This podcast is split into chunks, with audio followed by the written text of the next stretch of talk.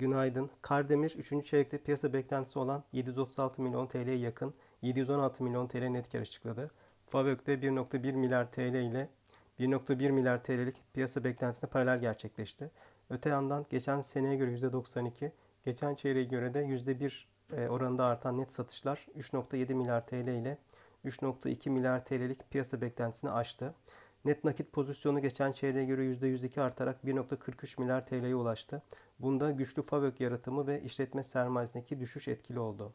Geçen yıla göre %6'lık satış hacmi büyümesi düşüşüne rağmen daha yüksek dolar kuru ve %71 artan ürün fiyatları sayesinde satış gelirleri neredeyse iki katına ulaştı. FAVÖK geçen seneye göre %236 artarken artan çelik marjları ve kur etkisiyle ton başına FAVÖK'te 74 dolardan 221 dolara yükseldi.